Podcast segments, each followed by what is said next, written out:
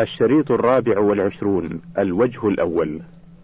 ولا زال فضيلته يتحدث عن أسباب عدم إجابة الدعاء. يقول فضيلته هذه الأسباب لإجابة الدعاء لم تجد شيئا لكون مطعمه حراما وملبسه حراما وغذي بالحرام. قال النبي صلى الله عليه وسلم فأنى يستجاب له. فهذه الشروط لإجابة الدعاء إذا لم تتوافر فإن الإجابة تبدو بعيدة فإذا توافرت ولم يستجب ولم يستجب الله للداعي فإنما ذلك لحكمة يعلمها الله عز وجل ولا يعلمها هذا الداعي فعسى أن تحبوا شيئا وهو شر لكم.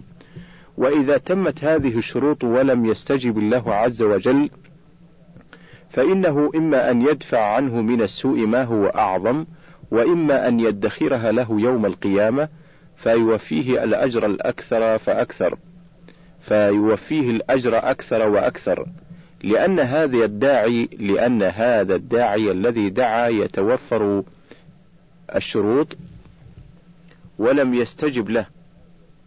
لأن هذا الداعي الذي دعا بتوفر الشروط ولم يستجب له ولم يصرف عنه من السوء ما هو أعظم يكون قد فعل الأسباب ومنع ومنع الجواب لحكمة. فيعطى الأجر مرتين مرة على دعائه ومرة على مصيبته وبعدم الإجابة. فيدخر له فيدخر له عند الله عز وجل ما هو أعظم وأكمل. ثم إن المهم أيضا ألا يستبطئ الإنسان الإجابة فإن هذا من أسباب منع الإجابة أيضا كما جاء في الحديث عن النبي صلى الله عليه وسلم يستجاب لأحدكم ما لم يعجل. قالوا كيف يعجل يا رسول الله؟ قال يقول دعوت ودعوت ودعوت فلم يستجب لي. الهامش رواه البخاري في الدعوات رقم ستة آلاف وثلاثمية وأربعة ومسلم في الذكر رقم ثلاثة آلاف بل رقم مئتي ألفين وسبعمية وخمسة وثلاثين. انتهى الهامش. فلا ينبغي للإنسان أن يستبطئ الإجابة فيستحسر عن الدعاء ويدع الدعاء ويدع الدعاء بل يلح في الدعاء فإن كل دعوة تدعو بها الله عز وجل فإنها عبادة تقربك إلى الله عز وجل وتزيدك أجرا فعليك يا أخي بدعاء الله عز وجل في كل أمورك العامة والخاصة الشديدة واليسيرة. ولم لم ولو لم يكن من الدعاء إلا أنه عبادة لله سبحانه وتعالى لكان جديرا بالمرء أن يحرص عليه. والله الموفق. الهامش مجموع فتاوى ورسائل للشيخ ابن عثيمين الجزء الأول. في الصفحتين الثالثة والتسعين وحتى السادسة والتسعين. انتهى الهامش. حكم الاجتماع لتلاوة القرآن. السؤال ما قولكم حفظكم الله؟ في رجل جمع عددا من الناس في منزله فتدارسوا ما تيسر من القرآن ثم دعوا الله لأنفسهم وللمسلمين ثم دعاهم لتناول طعام أعده مسبقا لهم ثم انصرفوا. ومن ذات السؤال أن الداعي وزع على المدعوين أجزاء متفرقة من القرآن بحيث يقرؤون جميعهم. كل على حدة. ما كتب في الجزء الذي بين يديه وبعد أن انتهوا جميعا دعا أحدهم لأنفسهم وللمسلمين فاعتبروا أنهم في مجموعهم ختموا المصحف على سبيل التبرك. الهامش فتاوى اللجنة الدائمة. السؤال الأول من الفتوى رقم ثلاثة آلاف وثمانمائة واحد وستين. عبد الله بن قعود عضو عبد الله بن غديان عضو عبد الرزاق عفيفي نائب رئيس اللجنة عبد العزيز بن عبد الله بن باز الرئيس. انتهى الهامش. الجواب الحمد لله والصلاة والسلام على رسوله وآله وصحبه وبعد. أولا الاجتماع لتلاوة القرآن ودراسته. بأن يقرأ أحدهم ويستمع الباقون ويتدارسوا ما قرأوه ويتفهموا معانيه مشروع وقربة يحبها الله ويجزي عليها الجزاء الجزيل. فقد روى مسلم في صحيحه وأبو داود عن أبي هريرة رضي الله عنه أن النبي صلى الله عليه وسلم قال ما اجتمع قوم في بيت من بيوت الله يتلون كتاب الله ويتدارسونه بينهم إلا نزلت عليهم السكينة وغشيتهم الرحمة وحفتهم الملائكة وذكرهم الله في من عنده. الهامش جزء من حديث أخرجه مسلم رقم 2699 في الذكر والدعاء وأبو داود في الصلاة رقم 1455 والترمذي في ثواب القرآن رقم 2946 من حديث أبي هريرة رضي الله عنه انتهى الهامش والدعاء بعد ختم القرآن مشروع أيضا إلا أنه لا يداوم عليه ولا يلتزم فيه صيغة معينة كأنه سنة متبعة لأن ذلك لم يثبت عن النبي صلى الله عليه وسلم وإنما فعله بعض الصحابة رضي الله عنهم وكذلك دعوة من حضر القراءة إلى طعام لا بأس بها ما دامت لا تتخذ عادة بعد بعد القراءة. ثانيا توزيع أجزاء من القرآن على من حضروا الاجتماع ليقرأ كل كل لنفسه حزبا أو أحزابا من القرآن. لا يعتبر ذلك ختما للقرآن من كل واحد منهم بالضرورة. وقصدهم القراءة للتبريك فقط فيه قصور، وقصدهم القراءة للتبريك فقط فيه قصور، فإن القراءة يقصد بها القربة وتحفظ القرآن، وتدبره وتفهم أحكامه، وفهم أحكامه، والاعتبار به ونيل الأجر والثواب، وتدريب اللسان على تلاوته، إلى غير ذلك من الفوائد. وبالله التوفيق وصلى الله على نبينا محمد وآله وصحبه وسلم. الهامش بدع الناس في القرآن اللجنة الدائمة في الصفحتين الحادية عشرة والثانية عشرة انتهى الهامش. ادع لنفسك ولا تطلب ذلك من غيرك السؤال ما الحكم إذا رأينا شخصا نتوخى فيه الصلاح وطلبنا منه أن يدعو لنا وآمل أن تدعو لي بأن يصلح الله قلبي وأن يوفقني للبر بوالدي وأن يرزقني الذرية الصالحة. الجواب: طلب الدعاء من شخص ترجى إجابة دعائه إن كان لعموم المسلمين فلا بأس به، مثل أن يقول أن يقول شخص لآخر ادعو الله أن يعز المسلمين وأن يصلح ذات بينهم، وادعو الله أن يصلح ولاتهم وما أشبه ذلك، أما إذا كان خاصا بالشخص السائل الطالب من أخيه أن يدعو له فهذا قد يكون من المسألة المذمومة، إلا إذا قصد الإنسان بذلك نفع أخيه الداعي له وذلك لأن أخاه إذا دعا له بظهر الغيب بظهر الغيب قال الملك آمين ولك بمثله، وكذلك إذا دعا له أخوه فإنه قد أتى إحسانا إليه والإحسان يثاب عليه فينبغي عليه أن يلاحظ من طلب من طلب من أخيه أن يدعو له فائدة الأخ الداعي. على أن طلب الدعاء من الغير قد يترتب عليه مفسدة وهي أن أن هذا الغير يعجب بنفسه ويرى أنه أهل لإجابة الدعاء وفيه أيضا أن هذا الطالب من الغير أن يدعو له قد يعتمد على دعاء المطلوب فلا يلح هو على ربه بالدعاء بل يعتمد على دعاء غيره وكلا المفسدتين شر. والذي أنصح به إخواني أن يكونوا هم الذين يدعون الله عز وجل لأن الدعاء عبادة والدعاء مصلح للقلب لما فيه من الالتجاء إلى الله والافتقار إليه وشعور المرء بأن الله تعالى قادر على أن يمده بفضله. الهامش كتاب الدعوة رقم خمسة الشيخ ابن عثيمين الجزء الثاني رقم 145 و 146 انتهى الهامش. دعوت فلم يستجب لي.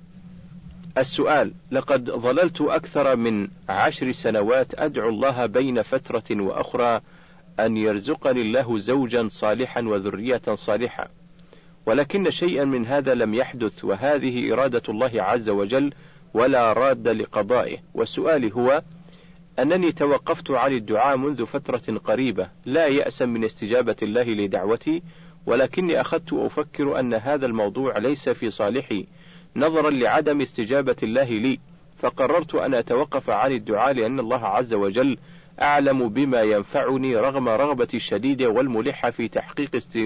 في تحقيق واستجابة دعوتي. فما الذي يجب علي في هذا الموقف؟ هل أستمر في الدعاء أم أقتنع أن هذا الموضوع ليس في صالحي وأتوقف عن الدعاء؟ الجواب: ورد في الحديث أنه يستجاب للعبد دعاءه ما لم يستعجل ورد في الحديث أنه يستجاب للعبد للعبد دعاؤه ما لم يستعجل. الهامش راجع صحيح البخاري في الدعوات رقم 6340 ومسلم في الذكر رقم 2735 انتهى الهامش.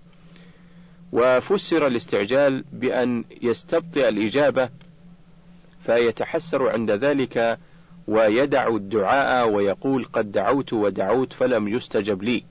ذلك أن الله تعالى قد يؤخر إجابة الدعاء لأسباب خاصة أو عامة. وفي الحديث أن الداعي يعطيه أحد يعطيه أحد ثلاثة أشياء.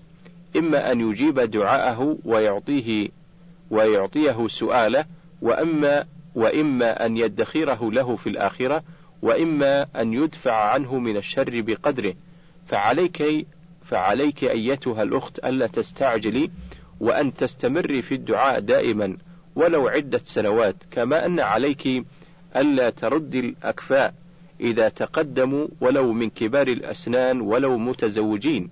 فعسى الله أن يجعل في ذلك خيرا كثيرا. الهامش فتاوى المرأة الشيخ بن جبرين في الصفحة السابعة والثمانين. انتهى الهامش.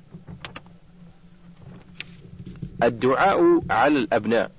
الهامش المصدر السابق الشيخ بن جبرين من الصفحة السابعة والثمانين والثامنة والثمانين. انتهى الهامش. السؤال كثير من الآباء والأمهات يدعون على أبنائهم عند الزلل والخطأ. نرجو منكم كلمة توجيهية لهم بهذا الخصوص. الجواب ننصح الوالدين بالصفح والتغاضي عن تقصير الأولاد حال الصغر وبالصبر على ما نالهم من كلام أو أذى حيث إن الأطفال لم تتكامل عقولهم فيقع منهم الخطأ في القول والفعل.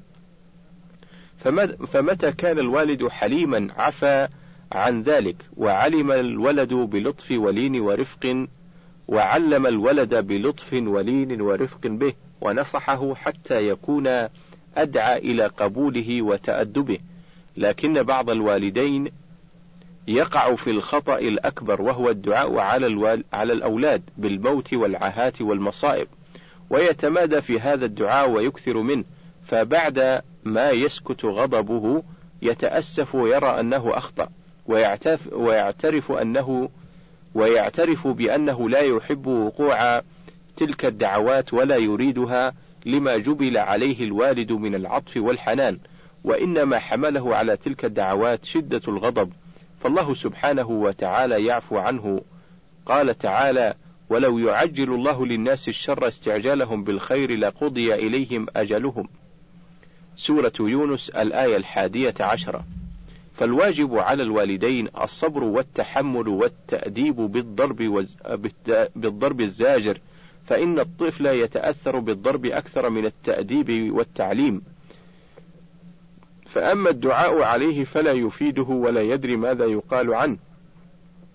فيكتب على الوالد ما قال ولا يحصل للولد انتفاع والله أعلم. رفع اليدين في الدعاء.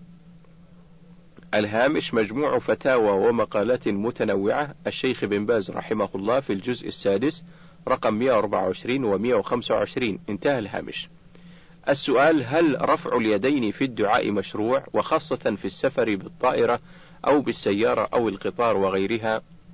الجواب رفع الأيدي في الدعاء من أسباب الإجابة في أي مكان، يقول صلى الله عليه وسلم: إن ربكم حيي ستير يستحي من عبده إذا رفع يديه إليه أن يردهما صفرا. الهامش رواه أبو داود في الصلاة رقم 1488 والترمذي في الدعوات رقم 3556 وابن ماجه في الدعاء رقم 3865 انتهى الهامش. ويقول صلى الله عليه وسلم إن الله تعالى طيب لا يقبل إلا طيبا وإن الله أمر المؤمنين بما أمر به المرسلين فقال تعالى يا أيها الذين آمنوا كلوا من طيبات ما رزقناكم واشكروا لله. سورة البقرة الآية الثانية والسبعون بعد المئة. وقال سبحانه يا أيها الرسل كلوا من الطيبات واعملوا صالحا. سورة المؤمنون الآية الواحدة والخمسون. ثم ذكر الرجل يطيل السفر أشعث أغبر يمد يديه إلى السماء يا رب يا رب. ومطعمه حرام ومشربه حرام وملبسه حرام. وغذي بالحرام فأنى يستجاب له. الهامش رواه مسلم في الزكاة رقم 1015 انتهى الهامش. فجعل من أسباب الإجابة رفع اليدين ومن أسباب المنع وعدم الإجابة أكل الحرام والتغذي بالحرام. فدل على أن رفع اليدين من أسباب الإجابة سواء في الطائرة أو في القطار أو في السيارة أو في المراكب الفضائية أو في غير ذلك. إذا دعا ورفع يديه فهذا من أسباب الإجابة إلا في المواضع التي لم يرفع فيها النبي صلى الله عليه وسلم فلا ترفع فيها مثل خطبة الجمعة فلم يرفع فيها صلى الله عليه وسلم إلا إذا استسقى فهو يرفع يديه فيها. كذلك بين السجدتين وقبل السلام في آخر التشهد لم يكن يرفع يديه صلى الله عليه وسلم فلا نرفع أيدينا في هذه المواطن. التي لم يرفع فيها صلى الله عليه وسلم لأن فعله حجة وتركه حجة. وهكذا بعد السلام من الصلوات الخمس كان صلى الله عليه وسلم يأتي بالأذكار الشرعية ولا يرفع يديه فلا نرفع في ذلك أيدينا اقتداء به صلى الله عليه وسلم. أما المواضع التي رفع صلى الله عليه وسلم فيها يديه فالسنة فيها رفع اليدين تأسيا به صلى الله عليه وسلم ولأن ذلك من أسباب الإجابة وهكذا المواضع التي يدعو فيها المسلم ربه ولم يرد فيها عن النبي صلى الله عليه وسلم رفع ولا ترك فإن نرفع فيها للأحاديث الدالة على أن الرفع من أسباب الإجابة كما تقدم. الأدب في الألفاظ الأدب في الألفاظ والأقوال. باسم الشعب باسم العروبة. سئل الشيخ عن هذه العبارات. باسم الوطن باسم الشعب باسم العروبة. فأجاب قائلا هذه العبارات إذا كان الإنسان يقصد بذلك أنه يعبر عن العرب أو يعبر عن أهل البلد فهذا لا بأس به. وإن قصد التبرك والاستعانة فهو نوع من الشرك وقد يكون شركا أكبر بحسب ما يقوم في قلب صاحبه من التعظيم بما استعان به. الهامش المجموع الثمين الجزء الثالث الشيخ بن عثيمين. انتهى الهامش. حكم قولي وشاءت قدرة الله. وسئل فضيلته عن حكم قولي وشاءت قدرة الله وشاء القدر. فأجاب بقوله لا يصح أن نقول شاءت قدرة الله لأن المشيئة إرادة والقدرة معنى والمعنى لا إرادة له وإنما الإرادة للمريد والمشيئة لمن يشاء. ولكننا نقول اقتضت حكمة الله كذا وكذا أو نقول عن الشيء إذا وقع هذه قدرة الله أي مقدوره كما نقول آه هذا خلق الله أي مخلوقه. وأما أن نضيف أمرا يقتضي الفعل الاختياري إلى القدرة فإن هذا لا يجوز. ومثل ذلك قولهم شاء القدر كذا وكذا. وهذا لا يجوز لأن القدر والقدرة أمران معنويان ولا مشيئة لهما. وإنما المشيئة لمن هو قادر ولمن هو مقدر. ولمن هو مقدر والله أعلم.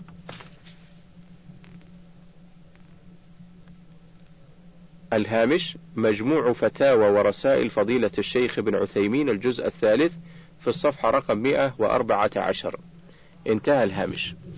تسمية بعض الزهور بعباد الشمس. سئل فضيلة الشيخ عن تسمية بعض الزهور بعباد الشمس لأنه يستقبل الشمس عند الشروق والغروب. الهامش مجموع, مجموع فتاوى ورسائل فضيلة الشيخ ابن عثيمين في الجزء الثالث رقم الصفحة 114 انتهى الهامش. فأجاب بقوله هذا لا يجوز لأن الأشجار لا تعبد الشمس إنما تعبد الله عز وجل كما قال الله عز وجل ألم تر أن الله يسجد له من في السماوات ومن في الأرض والشمس والقمر والنجوم والجبال والشجر والدواب وكثير من الناس. سورة الحج الآية الثامنة عشرة. وإنما يقال عبارة أخرى ليس فيها ذكر العبودية كمراقبة الشمس ونحو ذلك من العبارات. حكم قولي يا أيتها النفس المطمئنة إذا مات الشخص. سئل فضيلة الشيخ عن قول بعض الناس إذا مات شخص يا أيتها النفس المطمئنة ارجعي إلى ربك راضية مرضية. الهامش مجموع فتاوى ورسائل فضيلة الشيخ ابن عثيمين الجزء الثالث الصفحة رقم 140 انتهى الهامش. فأجاب بقوله هذا لا يجوز أن يطلق على شخص بعينه لأن هذه شهادة بأنه من هذا الصنف. حكم قول الإنسان أنا حر. السؤال ما حكم قول الإنسان أنا حر؟ الجواب إذا قال ذلك رجل حر وأراد أنه حر من رق الخلق فنعم هو حر من رق الخلق. وأما وأما إن أراد أنه حر من رق العبودية لله عز وجل فقد أساء في في فهم العبودية ولم يعرف معنى الحرية لأن العبودية لغير الله هي الرق. أما عبودية المرء لربه عز وجل فهي الحرية. فإنه إن لم يذل لله ذل فإنه إن لم يذل لله ذل لغير الله فيكون هنا خادعا لنفسه فيكون هنا خادعا نفسه إذا قال أنا إنه حر يعني إنه متجرد من طاعة الله ولن يقوم بها. وسئل فضيلة الشيخ عن قول العاصي عند الإنكار عليه أنا حر في تصرفاتي فأجاب بقوله هذا خطأ نقول لست حرا في معصية الله بل إنك إذا عصيت ربك فقد خرجت من الرق الذي تدعيه في عبودية الله إلى رق الشيطان والهوى. الهامش مجموع فتاوى ورسائل فضيلة الشيخ ابن عثيمين الجزء الثالث في الصفحة رقم 81 انتهى الهامش. معنى قولهم العصمة لله وحده وحكمها. السؤال سئل فضيلة الشيخ عن هذه العبارة العصمة لله وحده مع أن العصمة لا بد فيها من عاصم. الجواب هذه العبارة قد يقولها من يقولها يريد بذلك أن كلام الله عز وجل وحكمه كله صواب وليس فيه خطأ. وهذا وهي بهذا المعنى صحيحة لكن لفظها مستنكر ومستكره لأنه كما قال السائل قد يوحي بأن هناك عاصما عصم الله عز وجل سبحانه وتعالى. هو الخالق وما سواه مخلوق فالأولى ألا يعبر الإنسان بمثل هذا التعبير بل يقول بل يقول الصواب في كلام الله وكلام رسوله صلى الله عليه وسلم. الهامش مجموع مجموعة فتاوى ورسائل الشيخ ابن عثيمين الجزء الثالث في الصفحتين التاسعة عشرة والعشرين بعد المئة. انتهى الهامش. حكم من يحتج على عمل المعاصي بقوله تعالى إن الله غفور رحيم. السؤال ما رأيكم يا فضيلة الشيخ عند من ينصح عندما ينصح بعض الناس عن ترك معصية أو الإقلاع عنها يحتج بقول الله تعالى إن الله غفور رحيم؟ الجواب إذا احتج بهذا احتجزنا عليه بقوله تعالى نبئ عبادي. أني أنا الغفور الرحيم وأن عذابي هو العذاب الأليم.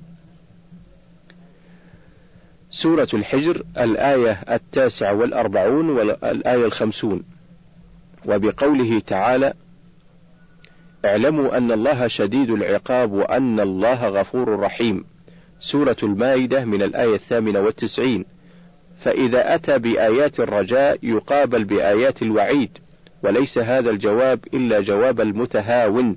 فنحن نقول له اتق الله عز وجل وقم بما أوجب الله عليك واسأله المغفرة لأنه ليس كل أحد يقوم بما أوجب الله عليه على وجهه الأكمل. الهامش ألفاظ ومفاهيم في ميزان الشريعة في الصفحة في الصفحتين العاشرة والحادية عشرة. الشيخ ابن عثيمين انتهى الهامش. حكم وصف الملتزمين بالأصوليين والمتطرفين. السؤال القصد من إطلاق لفظ الأصوليين القدح في المتمسكين بالإسلام؟ الجواب في كلمة موجزة بقدر ما هي دالة ونافذة قال سماحة الشيخ عبد العزيز بن باز عن الاستخدام الخاطئ لكلمة الأصولية ما يلي. مما يلاحظ في هذا العام بشكل خاص أن كثيرا من وكالات الأنباء العالمية التي تخدم مخططات أعداء الإسلام وتخضع لمراكز التوجيه النصراني والماسوني تخطط بأسلوب ماكر لإثارة العالم كله ضد ما يسمونه الأصوليين وهم يقصدون بذلك الذم والقدح في المسلمين المتمسكين بالإسلام على أصوله الصحيحة الذين يرفضون مسايرة الأهواء والتقارب بين الثقافات والأديان الباطلة. وقد وقد وقع بعض الإعلاميين المسلمين في مصيدة الأعداء وأخذوا ينقلون تلك الأخبار المعادية للإسلام وأصبحوا يتداولونها عن جهل بمقاصد أصحابها أو غرض في نفوس بعضهم فكانوا يفعل فكانوا بفعلهم هذا أعوانا للأعداء على الإسلام والمسلمين بدلا من قيامهم بواجب التصدي لأعداء الإسلام. وإبطال كيدهم ببيان أهمية الرابطة الدينية والأخوة الإسلامية بين الشعوب بين الشعوب الإسلامية، وأن الأخطاء الفردية التي لا يسلم منها أحد لا ينبغي أن تكون مبررا للتشنيع على الإسلام والمسلمين والتفريق بينهم. الهامش فتوى للشيخ بن باز انتهى الهامش. حكم وصف الملتزمين بالأصوليين والمتطرفين السؤال فشى في هذا العصر وصف المسلمين الملتزمين بالدين بأوصاف الأصوليين بأوصاف كالأصوليين والمتطرفين والملتزم والمتزمتين ونحو ذلك. فما رأيكم في هذا الأمر؟ الجواب رأيي في هذا أنه لا غرابة أن يصف أهل السوء أهل الخير بالألقاب السيئة التي ينبذونهم بها. فقد قال سبحانه وتعالى في سورة المطففين إن الذين أجرموا كانوا من الذين آمنوا يضحكون وإذا مروا بهم يتغامزون وإذا انقلبوا إلى أهلهم انقلبوا فكهين وإذا رأوهم قالوا إن هؤلاء لضالون. سورة المطففين الآيتان التاسعة والعشرون وحتى الآية الثانية والثلاثين. ولا يخفى على من قرأ القرآن ما وصف أعداء الرسل رسلهم به من النبز بالألقاب من النبز بألقاب السوء قال الله عز وجل كذلك ما أتى الذين من قبلهم من رسول إلا قالوا ساحر أو مجنون. سورة الذاريات الآية الثانية والخمسون فكل الكفار الذين أرسل إليهم الرسل يصفون الرسل بالسحر والجنون ونبينا صلى الله عليه وسلم كان له من ذلك من كفار قريش وغيرهم ما هو معلوم. فقالوا إنه ساحر وقالوا إنه كذاب وقالوا إنه مجنون وقالوا إنه شاعر وكل هذا من أجل التنفير عنه وعن منهجه. فلا غرابة أن يصف هؤلاء البعيدون عن الإسلام من تمسك به بهذه الألقاب كالتزمت والتشدد وما أشبهه أما من قالوا إنهم أصوليون فقصدهم بذلك ألا يصفوهم بالإسلام. لأن الإسلام محبب إلى النفوس وأما الأصول وأما الأصوليون فهم فهو أصل ومع ذلك فإننا نقول إن كان من تمسك بالإسلام أصوليا فإننا أصوليون. الهامش من فتوى للشيخ ابن عثيمين عليها توقيعه انتهى الهامش. حكم من يقول لمن ينكر المنكر أنت فضولي أو أنت فضولي السؤال عندما ينكر المسلم على غيره أمرا منكرا قد يرد عليه بعضهم بقوله أنت فضولي أو لا تتدخل فيما لا يعنيك فهل قوله صحيح ها هنا؟ وبماذا يرد عليه؟ الجواب قوله هذا غير صحيح أي أن قول الإنسان الذي ينكر عليه المنكر لمن ينكر عليه. أنت فضولي أو هذا لا شأن لك فيه غير صحيح. فإن الله تعالى أمرنا بأن ننهى عن المنكر وأن نأمر بالمعروف. فالواجب علينا أن نأمر بالمعروف وأن ننهى عن المنكر بقدر, بقدر ما نستطيع. سواء رضي المأمور أو المنهي أو, أو لم يرضى. ويرد عليه أن هذا ويرد عليه أن هذا من شأني لأن الله أمرني أن أنهاك عن المنكر ولأن المؤمن للمؤمن كالبنيان يشد بعضه بعضا فالذي من شأن المؤمن يكون من شأن أخيه. الهامش ألفاظ ومفاهيم في ميزان الشريعة. في الصفحة رقم 31 الشيخ ابن عثيمين. انتهى الهامش. حكم من يقول إن المرأة الشريفة لا تحتاج حجابا. السؤال يقول كثيرا ما نسمع دعوات موجهة للمرأة تدعوها لخلع الحجاب وتقول لها إن المرأة الشريفة تستطيع أن تعيش بين الرجال بشرفها في حصن حصين لا تمتد إليها الأعناق وربما تخدع بعض النساء بهذا الكلام فما تعليقكم على هذا؟ جزاكم الله خيرا. الجواب تعليقنا هو أن هذه دعوة باطلة مصادمة للكتاب والسنة والعقل والطبيعة الإنسانية.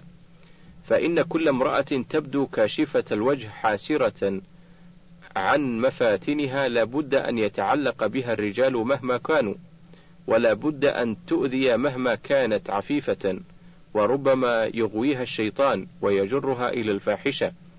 أما إما لهوى في نفسها مع كثرة المحاولة من أهل الفسوق وإما للضغط عليها حتى تأتي ما يريدون. وإذا كانت المرأة شريفة فإن شرفها يزداد إذا تحجبت الحجاب الشرعي الذي يتضمن أول ما يتضمن تغطية الوجه. وهذا أمر معلوم بالعقل والفطرة والطبيعة الإنسانية. إن الرجال ميالون إلى النساء ولا أحد أشرف ولا أعف من نساء الصحابة رضي الله عنهم. ومع ذلك أمرنا بالحجاب. الهامش ألفاظ ومفاهيم في ميزان الشريعة في الصفحتين رقم سبعين وواحد وسبعين الشيخ ابن عثيمين. انتهى الهامش. حكم وصف الإنسان بأنه حيوان ناطق. السؤال سئل فضيلة الشيخ عن وصف الإنسان بأنه حيوان ناطق. الجواب فأجاب بقوله الحيوان الناطق يطلق على الإنسان كما ذكره أهل المنطق. وليس فيه عندهم عيب لأنه تعريف بحقيقة الإنسان لكنه في العرف قول يعتبر قدحا في الإنسان ولهذا إذا خاطب الإنسان به عاميا فإن العامي سيعتقد أن هذا قدحا سيعتقد أن هذا قدح فيه. وحينئذ لا يجوز أن يخاطب به العامي. لأن كل شيء يسيء إلى المسلم فهو حرام. أما إذا خوطب به من يفهم الأمر على حسب اصطلاح المناطق فإن هذا لا حرج فيه لأن الإنسان لا شك أنه حيوان باعتبار أن فيه حياة وأن الفصل الذي يميزه عن غيره من بقية الحيوانات هو النطق هو النطق. ولهذا قالوا إن كلمة حيوان جنس وكلمة ناطق فصل والجنس يعم المعرف وغيره والفصل يميز المعرف عن غيره. الهامش مجموع فتاوى ورسائل فضيلة الشيخ ابن عثيمين الجزء الثالث في الصفحة رقم 101 انتهى الهامش. حكم التنابز بالألقاب. السؤال ما حكم التنابز بالألقاب ولو كان ذلك مزاحا؟ جزاكم الله خيرا. الجواب قال الله سبحانه وتعالى ولا تنابزوا بالألقاب. سورة الحجرات الآية الحادية عشرة. يعني بالألقاب السيئة التي تسوء المرء. وأما ما يجري على سبيل المزاح فإنه وإن كان لا يحكم لكنه لا ينبغي لذوي المروءة. لكنه لا ينبغي لذوي المروءة أن يتنابزوا بالألقاب ولو مزحا لأن هذا المزح ربما يؤدي إلى مخاصمة ونزاع في المستقبل وربما يسمعه أحد آخر فيأخذ بهذا اللقب ويعير به من لقب به على وجه الجد لا على وجه المزح. لهذا نرى أن الأولى بكل ذي مروءة أن يتجنب التنابز بالألقاب ولو على سبيل المزاح. ولو على سبيل المزح. الهامش من فتوى للشيخ ابن عثيمين عليها توقيعه. انتهى الهامش.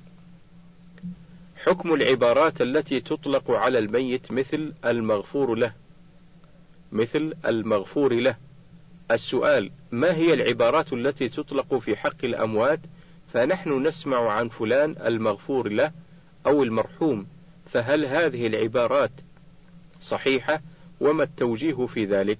الجواب المشروع في هذا أن يقال غفر الله له أو رحمه الله ونحو ذلك إذا كان مسلما ولا يجوز أن يقال المغفور له أو المرحوم لأنه لا تجوز الشهادة لمعين بجنة أو نار أو نحو ذلك إلا لمن شهد الله له بذلك في كتابه الكريم أو شهد له رسوله صلى الله عليه وسلم وهذا هو وهذا هو الذي ذكره أهل العلم من أهل السنة فمن شهد الله له في كتابه العزيز بالنار كأبي لهب وزوجته وهكذا من شهد له الرسول صلى الله عليه وسلم بالجنة كأبي بكر الصديق وعمر بن الخطاب وعثمان وعلي وبقية العشرة رضي الله عنهم وغيرهم ممن شهد له الرسول صلى الله عليه وسلم بالجنة كعبد الله بن سلام وعكاشة بن محصن رضي الله عنهما أو بالنار